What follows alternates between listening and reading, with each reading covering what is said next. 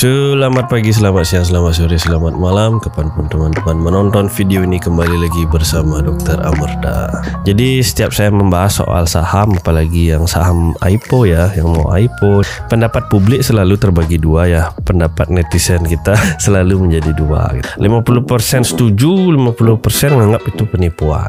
Ya 50% menganggap kalau saham yang IPO itu adalah sesuatu yang berbahaya Penipuan segala macam Sedangkan 50% sih saya nganggap itu sebagai sebuah kesempatan gitu. Beda pendapat itu hal yang normal dan jangan sampai itu dijadikan sebuah alasan buat kita untuk nggak berteman gitu loh. Malah semakin banyak kita melihat sesuatu dari perspektif berbeda, semakin pintar kita jadinya, semakin banyak wawasan kita gitu loh. Ya karena kan kebanyakan selalu melihat dari past experience gitu loh. Jadi orang-orang tuh biasanya menilai dari sesuatu kejadian yang sudah terjadi sebelumnya. Ya contohnya aja kayak Bukalapak kemarin kan.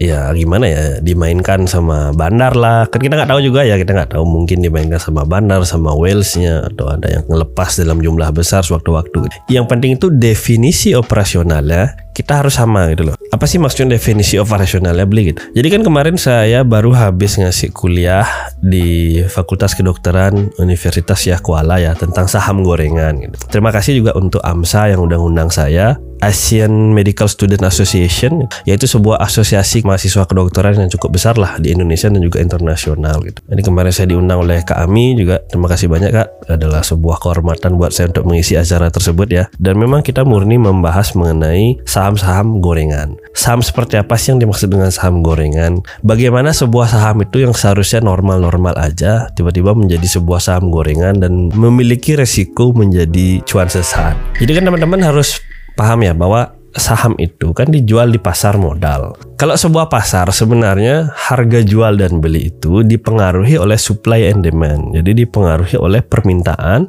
dan ketersediaan stoknya gitu loh. Misalnya nih sebuah pasar permintaan untuk daging sapi misalnya. Lagi tinggi banget nih menjelang bulan puasa menjelang Idul Fitri permintaan daging sapi yang meningkat sedangkan stok daging sapinya sedikit otomatis harganya jadi naik kan. Begitu juga sebaliknya, misalnya kalau stok daging sapinya padahal biasa-biasa aja, artinya nggak meningkat, nggak menurun. Tapi sedikit yang mau beli, harga juga jadi turun daging sapinya ini. Paham nggak teman-teman? Itu sebuah rumus ekonomi gitu loh, hal yang normal gitu. Untuk di pasar modal, supply and demand ini bisa dimainkan gitu. Maksudnya dimainkan adalah untuk perusahaan dengan market cap kecil, itu bisa dimiliki oleh satu orang gitu loh.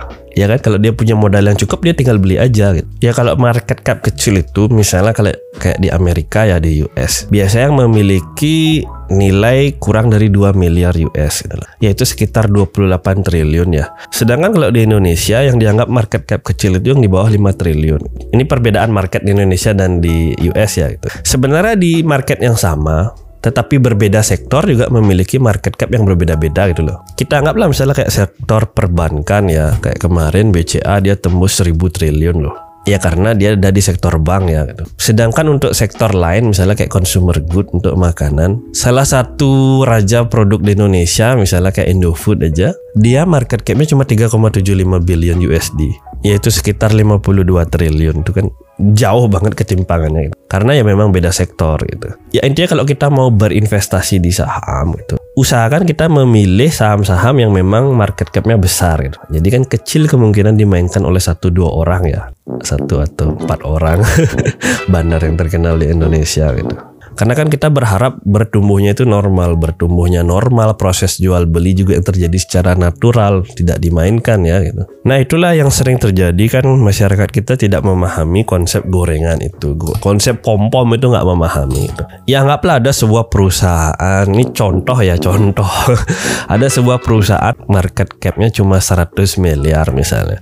Terus ada seseorang atau sekelompok orang yang memiliki kemampuan membeli seluruh tuh 100 miliar miliar itu seluruh saham yang ada itu. Ya anggaplah dia beli 70 persennya aja. Otomatis baru dibeli 70 miliar kan sahamnya langsung meroket gitu. Nah sahamnya sudah meroket dia tinggal menginfluence tuh. Bisa pakai artis kan ya biasanya ya pakai artis pakai media sosial. Nah masuklah pembeli-pembeli retail. Pembeli-pembeli retail itu ya seperti kita orang biasa seperti kita. Kita ngelihat ih ini kok tiba-tiba harga naik ikutan dong. Tapi pas kita masuk itu kita memompa harga lebih naik lagi gitu. Nanti sudah berada di puncak para bandar atau sekelompok orang ini akan menarik uangnya secara langsung gitu loh. Jadi dia narik dengan keuntungan yang cukup tinggi ya kan karena harga sudah dipompa secara tidak normal gitu loh. Dan kita para retail investor yang sudah beli di harga puncak ya kehilangan uang gitu. Legal nggak legal ya. ya itulah permainan bandarmologi namanya gitu. Ya makanya kayak di Amerika mereka membuat aturan-aturan khusus di mana kayak orang-orang tuh nggak boleh mengiklankan produk saham tertentu gitu loh. Ya nggak boleh spesifik lah nyebut harus beli saham ini, saham ini, saham ini. Apalagi seperti ada ajaan tanpa menjelaskan resikonya itu bisa dituntut. Elon Musk kan sering kena seperti itu ya gitu. Apalagi kemarin kan pernah kejadian kakaknya menjual saham Tesla. Pas ada berita-berita itu ya ditanyain juga era diinterogasi juga kan gitu. Ya jadi dengan konsep seperti itu ya makanya saham gorengan itu nggak bisa kita spesifik menunjuk satu atau dua saham. Karena kan konsep dari market cap itu juga beda-beda gitu loh. Jadi makanya untuk melihat sebuah saham itu lagi digoreng atau enggak sebenarnya kita harus ngelihat volumenya ya.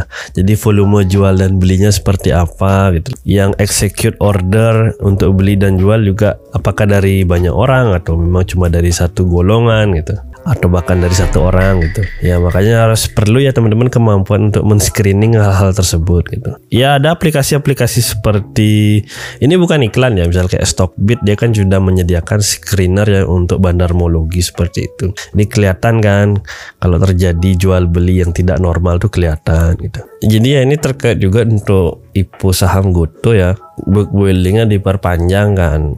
Justru book building diperpanjang menimbulkan rasa kurang percaya diri di masyarakat yang mau beli awalnya gitu loh. Ya walaupun kan alasan dari pihak Goto kemarin mereka memutuskan untuk memperpanjang nih masa book building itu biar masyarakat lebih mudah memahami mekanisme pemesanan saham. Ya biar ada kesempatan juga orang berpikir ya untuk mengambil keputusan investasi yang baik. Well kata mereka ya.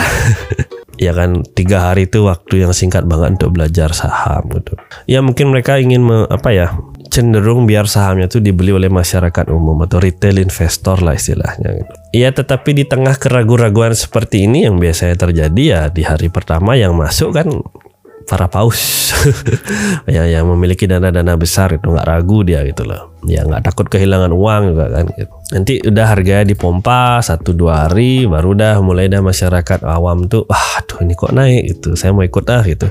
Masuk dah dia di harga yang menengah ke puncak ke atas gitu. Itu resikonya lah lebih besar lagi jadinya resiko untuk didampnya lebih besar lagi gitu Uh, saya menjelaskan seperti ini tidak memiliki maksud untuk mengendorse atau mengajak teman-teman untuk berinvestasi di Goto misalnya ya. Tujuan saya sebenarnya cuma untuk mengedukasi biar teman-teman bisa melihat dari perspektif berbeda. Kalau masih ragu, masih takut lebih baik jangan, tidak usah. Tapi kalau memang sudah siap dan memang memiliki dana lebih, dana dingin ya silahkan berinvestasi. Kan kalau saham itu masih masuk ke kategori high risk ya. Gitu. Volatilitasnya juga tinggi banget, apalagi saham-saham yang baru IPO seperti ini. Kalau memang mau berinvestasi di saham secara fundamental untuk long term sebaiknya tunggu lah sebaiknya tunggu sampai harganya sudah naik turun naik turun nanti stabilisasi sideways baru kita mulai berinvestasi juga bisa gitu loh. Saya kembali mewanti-wanti kalau kita mau berinvestasi kita harus kenali dulu dengan baik kendaraan investasi yang kita mau pakai. Saya juga selalu mengingatkan amankan dulu di level 0, level 1, pastikan Anda bebas hutang dan juga pastikan Anda memiliki dana darurat yang cukup gitu loh. Kan nggak lucu ya misalnya kalau kita tiba-tiba perlu uang untuk makan, untuk kepentingan lain, untuk kepentingan yang dalam jangka waktu dekat lah pokoknya. Terus kita mau nggak mau narik tabungan kita di reksadana dan saham padahal posisinya masih minus gitu. Nggak nyaman juga kan berinvestasi seperti itu. Untuk Bapak William Tanuwijaya ya saya kan kemarin mengatakan beliau kuliah di Harvard Kennedy School. Ya, ini teman-teman bisa lihat ya. Jadi waktu bachelor degree-nya beliau memang di BINUS terus kemudian melanjutkan executive educationnya di Harvard. Tapi dia masuk di Harvard itu pada tahun 2017.